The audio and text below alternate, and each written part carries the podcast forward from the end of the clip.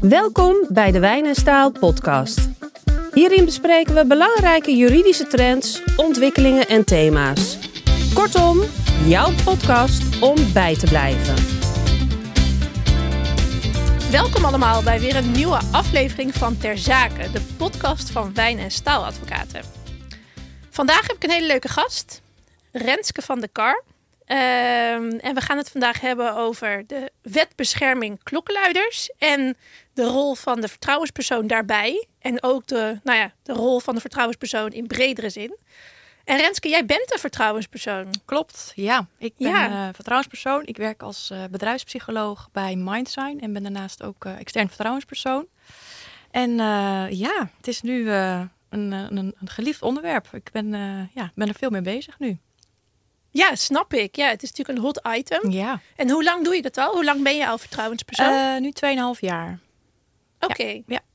Hey, en ehm, nou, misschien, misschien is het leuk om even iets te vertellen voor de aanleiding van deze podcast. Want ehm, kort geleden is de wet bescherming klokkenluiders in werking getreden. Ehm, eh, daar, nou, door middel van die wet is eh, de Nederlandse procedure of de Nederlandse wetgeving op het gebied van klokkenluiders eigenlijk wat aangescherpt. Ehm, eh, die procedure was er al. Het is al voor bedrijven verplicht om een, eh, een, een melding of een procedure te hebben waarmee misstanden gemeld kunnen worden. En ook hoe die misstanden dan vervolgens nou ja, aangevlogen moeten worden als die gemeld worden. En veel bedrijven hebben daarin de vertrouwenspersoon ook een rol gegeven. Kun jij daar wat over vertellen? Ben jij ook betrokken bij dat soort klokkenluidersregelingen? Eh, nou, er is wat ehm, ambivalentie over of de rol van vertrouwenspersoon daar de juiste voor is. Ehm, wat je kunt voorstellen als je een onafhankelijk eh, meldpunt wil hebben, dan, dan moet dat iemand zijn die onpartijdig is, die onafhankelijk is. Ehm, en op het moment dat jij als vertrouwenspersoon bij een melder betrokken raakt, ben je per definitie eigenlijk niet meer onafhankelijk. Eh, dus daarin zit een beetje, sommige bedrijven doen dat, hè, maar er is wel een beetje een, een discussie nu over of dat wel de juiste persoon is. Dus ik heb dat zelf ook nog niet bij de hand gehad. Ik heb dat ook nog niet aangedurfd om die rol eh, te pakken, omdat ik toch die, die, ja, die, die onafhankelijkheid wil bewaken. Ik vind het wel een heel interessant punt. Want je zegt eigenlijk op het moment dat iemand zich tot jou wendt, dan ben je niet meer onafhankelijk. Dan ben ik er voor de melder. Ja. ja. Terwijl de rol die, eh, nou ja, de, de instantie waarbij gemeld wordt in de wetbescherming klokkenluiders, die heeft vervolgens natuurlijk nou ja, de, de- plicht om dat verder te brengen en daar een zekere objectieve toetsing eh, voor te regelen. Ja. Je bedoelt die twee rollen zijn Ja. onverenigbaar met elkaar. Of er is in ieder geval discussie over. Ja, precies. Ja. Oké. Oh, interessant. Dat had ik nog niet eerder begrepen. Maar als je dat zo zegt, kan ik me dat eigenlijk wel voorstellen. Ja. Ja, dus dat is iets wat, wat eh, ja, de, de- de voorkeur verdient het om het echt bij een onafhankelijk meldpunt of een onafhankelijke instantie eh, weg te zetten. En dat niet binnen de rol van de vertrouwenspersoon te doen. Ja. En zijn, weet jij, zijn er dat soort instanties die dus niet een vertrouwenspersoon zijn of Ja. regelen? Ja. Die zich daar, waar je daar, nou ja, als bedrijf je toe kunt, kunt, kunt richten. Ja, zeker. Ja, en Ja. dat is ook iets wat, wat je als eigen organisatie zelf moet onderzoeken van wat past bij ons. Hè? Hoe groot zijn we? eh, In welke sector zitten we? Ehm, dus dat is ook iets wat je zelf moet gaan onderzoeken. Maar die zijn er zeker, ja. En steeds meer ook, ja. Door deze wetgeving. Hey, en dat doe jij dus niet. Dat is heel erg duidelijk. Wat, wat doe je wel als vertrouwenspersoon? Door wat voor soort bedrijven bijvoorbeeld word jij ingeschakeld? Ja, nou eigenlijk voor alle soorten bedrijven. Ik ben eh, werkzaam bij eh, diverse opdrachtgevers, van MKB tot grotere instanties en allerlei sectoren ook. Wat ik doe is op het moment dat er op de werkvloer ongewenste omgangsvormen plaatsvinden, dus dat, dat is echt zo'n containerbegrip, maar dat wil eigenlijk zeggen van eh, pesten tot aan discriminatie, tot eh, agressie. ehm, eh, ja, eigenlijk de, de ongewenste vormen die in, ja, op een werkvloer zich voor kunnen doen. Ehm, op het moment dat een medewerker dat ervaart en er last van heeft, kan hij zich tot mij wenden. En wat ik eigenlijk doe met een medewerker is onderzoeken van wat is er precies aan de hand. Hoe eh, eh, raakt jou dit? Welke scenario's zijn er? Wat zou je hiermee willen überhaupt? Want de melder is altijd in de, in de lead. Hè? Dus ik, ik schets meer scenario's, ik onderzoek. Ik adviseer ook over eventuele verwijzing naar een externe. Dus een, een, een juridisch adviseur of een mediator of wat dan ook nodig mag blijken. Uh, dus dat is mijn rol ten aanzien van de medewerker één op één. Uh, daarnaast heb ik ook een rol in het adviseren van het management van een organisatie. Van, joh, ik zie een trend of ik merk dat dit gebeurt binnen de organisatie. welk beleid hebben jullie hierop? dat soort zaken worden, ja, dat is meer de bredere rol van de vertrouwenspersoon. Maar dus ook ongevraagd. Exact, ja. Op het moment dat ik een aantal meldingen krijg van een afdeling of een situatie, kan ik ervoor kiezen met toestemming van de melders om dat bespreekbaar te gaan maken. Van joh, misschien moeten we hier wat meer mee dan in, in eh, individueel niveau. En dan wel, uh, neem ik aan, op een manier dat, dat het niet herleidbaar is. Nee, kijk, specifieke ja. mensen. Nee ons, nee. ons werk is volledig in vertrouwensband. Hè? Dus, uh, dus je kunt je voorstellen dat er nooit een inhoudelijk of, of een herleidbaar informatiestuk wordt, wordt teruggekoppeld. Het is altijd anoniem. Uh, en ook qua terugkoppeling is misschien goed om te weten dat op het moment dat je een vertrouwenspersoon in de arm neemt als, als, als werkgever zijnde, krijg je een jaarlijks rapport van het type meldingen uh, die je hebt uh, ervaren in, in, uh, op de werkvloer. Dus dat is eigenlijk gewoon, ja, een aantal keer pesten bijvoorbeeld. Of dus helemaal niet terug te herhalen van wat is dat dan, van wie is dat dan, of, of wat dan ook. Dus ja, dat, um, dat is iets wat natuurlijk voor een werkgever fijn is om iets, wel iets van zicht te hebben. Hè? Wat gebeurt daar nou? Maar nooit, ja, gewoon altijd anoniem. Ja. Dat, dat, is mijn hele rol. Dat is denk ik ook de hele basis van een ja, vertrouwenspersoon. Dat precies. je iets in, in vertrouwen kunt vertellen. Ja. En dat ik buiten de organisatie sta. Hè? Want je hoort ook vaak dat er een interne vertrouwenspersoon is. Wat ook prima is, denk ik, ter aanvulling. Maar je hebt daarin wel dat risico dat er zaken spelen die dan ja, toch fijner zijn om die buiten de organisatie te bespreken. Ja, want er is nu ook volgens mij een wetsvoorstel. Wat voorstelt dat alle bedrijven, nou volgens mij wel van een bepaalde omvang, uh, een externe vertrouwenspersoon moeten hebben. Klopt. Wat vind je daarvan?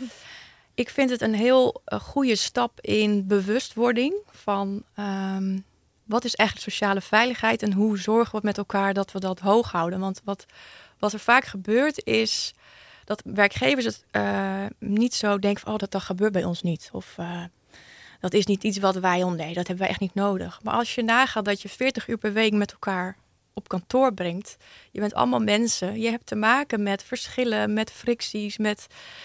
één op de vijf heeft te maken met een vorm van ongewenste omgangsvormen. Dus het is. Uh, op de vijf? Ja, dus ik zeg ook ja. vaak: als ik een opdrachtgever heb waarbij ik het hele jaar geen melding heb gehad, zij zijn blij, ik ben niet zo blij. En gebeurt dat vaak? Ja, dat gebeurt wel eens. Ja. En dan denk ik, dan is er dus iets niet goed. Uh, kijk, als je een organisatie hebt van 20 medewerkers, is het wat anders. Hè? Maar als je het hebt bij, over een substantiële organisatie en je hebt een heel jaar geen meldingen gehad, ja, dan moeten we echt gaan kijken van waar gaat dit mis? Ben ik zichtbaar genoeg? Weten mensen mij wel te vinden? Is het veilig om naar mij toe te gaan? Ja, dus, dus de, er zijn altijd dingen aan de hand. Vraag is alleen, hoe ga je daar dan vervolgens mee om? En zie jij ook dat er een toename is van het aantal meldingen. Naar aanleiding van natuurlijk alle maatschappelijke ontwikkelingen over ongewenst gedrag en alle zaken die in de media zijn geweest. Dat dat een boost is geweest voor mensen om, nou ja, of misschien een, een, een, een duwtje om toch zelf ook die uh, melding te gaan doen? Ja, het is uh, sowieso heeft het een bepaalde. Het heeft iets doorbroken, denk ik. Op het moment dat jij uh, steun voelt vanuit media of kanalen waarin je voelt: hé, wacht, er zijn meer mensen die dit ervaren. Wordt de drempel wat lager. En mensen worden zich ook bewuster van, wacht eens, eigenlijk dat, dat incident wat ik destijds heb meegemaakt, ik heb me dat toen een beetje zo weggemoffeld. Maar eigenlijk was dat echt niet oké. En ik wil niet dat die persoon dat nog blijft doen. Dus ik wil je eigenlijk nog iets ja. mee. Dus het, de, de, zwaarte wordt iets meer uh, benadrukt daardoor. En ik denk dat dat een hele goede ontwikkeling is. Ja, ik zie hem zelf ook in mijn praktijk. Um, ik bedoel, we hadden altijd wel wat zaken over ongewenst gedrag en mensen die nou ja, op bepaalde vlakken grenzen overgingen. Maar we hebben de laatste tijd echt heel veel zaken over nou ja, echt ongewenst gedrag in de zin van, van, van pesten en, en wat meer in de passief-agressieve hoek, om het zo maar te zeggen. Ja. Um, dat komt steeds meer naar boven. En ik, ik heb de afgelopen tijd ook al mensen bijgestaan die om die reden werden ontslagen. En wat mij dan altijd heel erg opvalt. Natuurlijk, als je het in de media hoort over Matthijs van Nieuwkerk, Tom Egberts of wie dan ook, dan denk je heel gauw van oh, oh en, en, en, en een dader en een slachtoffer. Klopt. Maar ja. als je een paar van die zaken hebt gedaan, dan weet je dat er veel meer grijstinten in zitten. Ja. Komen dat soort mensen ook wel eens bij jou? Mensen die um, nou ja, beschuldigd worden van over, grensoverschrijdend gedrag? Ja, heb ik nog niet bij de hand gehad. Uh, ik heb eigenlijk vooral uh, de mensen gehad die daar last van hadden. Dus die het gevoel hadden dat ze op die manier benaderd werden en dat er grenzen werden overschreden. En daarin uh, kijk je gewoon heel erg naar van ja, wat, wat wil jij nu? Wat heb je nu nodig om hier een einde aan te maken, om dit voor jezelf op te lossen? Uh, maar het is nog niet zo geweest dat er een uh, persoon is geweest die werd beticht van uh, ongewenste omgangsvormen en zich daarin niet herkende en die zich tot mij richtte. Nee, dat heb ik nog niet bij de hand gehad. Oké. Hey, het is nu tijd voor onze vaste rubriek arbeidsrecht met Aniek.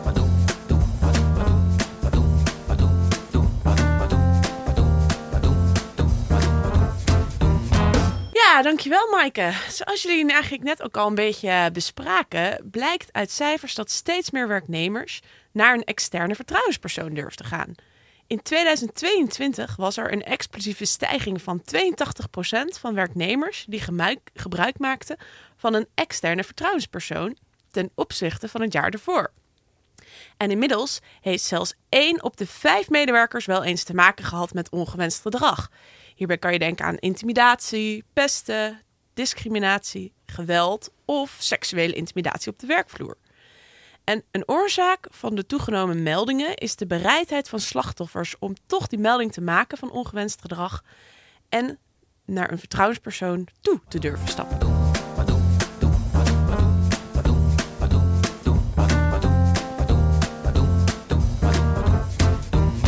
Dankjewel Aniek voor weer dit leuke feitje. Ja, dit bespraken we natuurlijk net ook al een beetje. Mm -hmm. um, en Renske, jij gaf toen eigenlijk al aan van... Nou, ik vind denk dat het een hele goede zaak is dat mensen... Um, nou ja, de, de, de, de, de vrijheid voelen om de stap naar de vertrouwenspersoon te maken. Mm -hmm. Wat kan er volgens jou aan bijdragen dat mensen daar nog meer vrijheid in voelen? Want kennelijk, wat je net ook aangaf, zijn er nog steeds mensen die die stap niet maken. Mm -hmm. Hoe kunnen werkgevers daaraan bijdragen? Nou, ik denk dat het allerbelangrijkste is dat je de rol van vertrouwenspersoon of het aanstellen van een vertrouwenspersoon niet als een individueel of een eenling actie ziet. Dus je moet dat echt helemaal inbedden in je organisatie om sociale veiligheid op, uh, op orde te houden. Dus waarbij je dan aan kan denken van oké, laten we met elkaar opstellen hoe we met elkaar omgaan. Hè, in de vorm van een gedragscode. Of laten we uh, soort trainingen of, of, sessies doen met elkaar. Van wat is sociale veiligheid? Hoe gaan we met elkaar om? Uh, wat doen we als dit niet oké is? Grijpen we dan in? En hoe dan? als leidinggevende heb je daar natuurlijk ook een voorbeeldrol in. Dus, dus de crux zit hem er denk ik in om het niet als een eilandje te zien, die externe vertrouwenspersoon, maar echt als een onderdeel van een heel beleid en een heel inbedding van hoe creëren we nou meer sociale veiligheid op de werkvloer. Dus ik denk dat daar nog heel veel winst valt te behalen. Nou ja, en tenminste ben ik helemaal met je eens hoor. En ik denk zelf ook altijd dat het ook top-down moet komen. Je kunt wel als leiding van een bedrijf roepen dat je dingen heel belangrijk vindt. Mhm. Maar als je niet doet wat je zegt ja. En zelf bijvoorbeeld een onveilige werksfeer creëert, ja. dan krijg je nooit mensen zover, denk ik, dat ze wat melden. Nee. En ik denk dat daar eerlijk gezegd bij heel veel bedrijven ook nog wel wat te winnen valt. Mhm. Ja. Ja. Hey, en heb jij wel eens te maken gehad met mensen die bij jou komen dat je, ja, dat je denkt van ja, hier kan ik eigenlijk echt helemaal niks mee of je bent bij mij aan het verkeerde loket. Want ik kan me ook voorstellen dat, maar goed, dan is een beetje beroepsdeformatie misschien, want die, nou ja, dat zijn de mensen die ik natuurlijk vaak zie. Mensen krijgen bijvoorbeeld een slechte beoordeling. Mhm. Ehm, en dat vinden ze niet leuk. Dat vindt niemand leuk volgens mij. Nee. En dan ineens voelen ze zich niet meer veilig. Ja. Wat, ja, en stel je voor, die, dat soort mensen komen bij jou. Wat, wat, wat, ja, prik jij daardoor dan doorheen? Of hoe ga je daarmee om? Nou, wat je doet natuurlijk in zo'n eerste gesprek is heel erg uh, exploreren met elkaar. Hè? Van ja, wat is precies aan de hand en uh, wat speelt er? Um, en op het moment dat er geen ongewenst omgangsvormen plaatsvindt, hè, want een, een slechte beoordeling is dat feitelijk niet.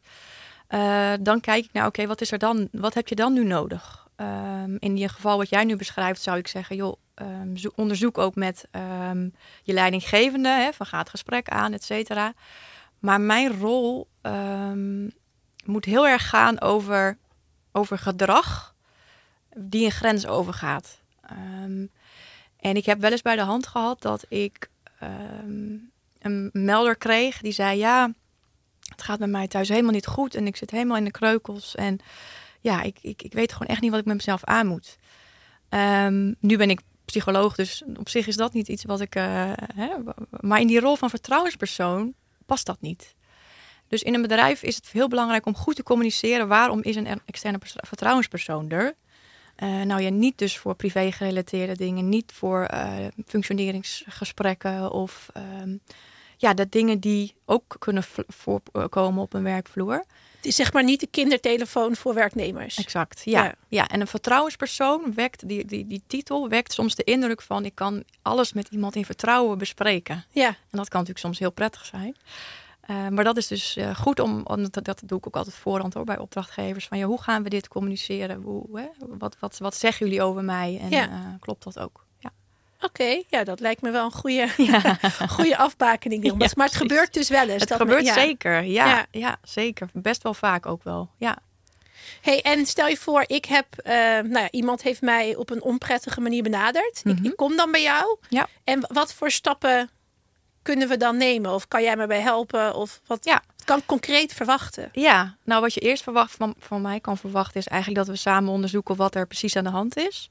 En op het moment dat jij helder hebt van oké, ehm, mijn emoties zijn een beetje gezakt en ik weet wat ik ermee wil, hè, gaan we samen onderzoeken wat jouw opties zijn. En daar maak ik onderscheid, onderscheid in tussen de formele opties en de informele opties. En je onderzoekt altijd eerst de informele opties. Dus dat zijn eh, bijvoorbeeld ehm ga gesprek aan met een collega. Of die het ook wel eens bij de hand heeft gehad met die persoon. Of ehm, ga het gesprek direct aan met degene om wie het gaat. Ehm, wil je misschien dat we dat samen voorbereiden, dat gesprek? Allerlei dat soort eh, stappen.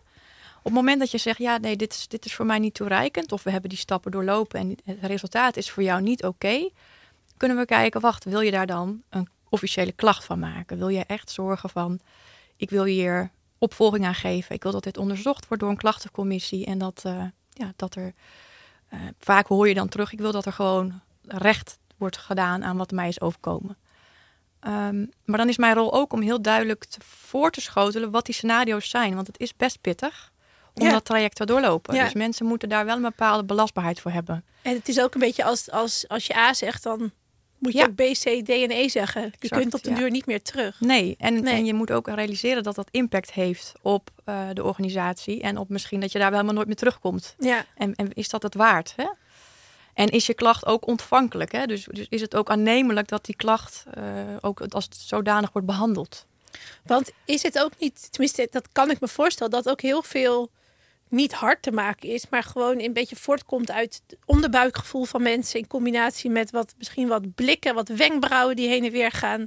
Dat kan natuurlijk bij mensen ook een, nou een vervelend gevoel oproepen, terwijl iemand dan misschien niet echt een grens over is gegaan. Nou, op het moment dat je het ervaart als iemand die een grens overgaat, het gaat natuurlijk om de beleving. Hè? Het gaat niet om wat is er feitelijk gebeurd. We gaan niet zoeken naar de waarheid of het zwart-wit scenario. We gaan echt kijken naar.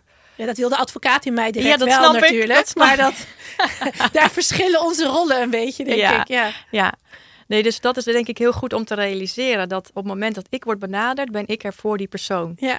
En dan gaan we samen onderzoeken, stap voor stap, wat, eh, wat opties zijn. En dat is dus, eh, en, en ook soms is er nazorg nodig. Hè? Dus op het moment dat het is afgerond, dat je toch nog een paar keer met iemand zit van hé, hey, hoe gaat het dan nu? Hoe ervaar je het nu? En dan rond je het af. Dus eh, ja. Nou, ik denk ook een heel mooi punt eh, om deze podcast af te ronden. ja, Heel erg dank voor je, voor je komst. ik Graag vond het heel gedaan. interessant. dankjewel. Graag en gedaan. eh, eh, wellicht tot de volgende keer. En ook aan alle luisteraars. Ik eh, zie jullie graag de volgende keer weer. Dit was een podcast van Wijnen Staaladvocaten. Wil je meer informatie over ons kantoor of wat wij voor jou kunnen betekenen? Bezoek dan onze website wijnenstaal.nl.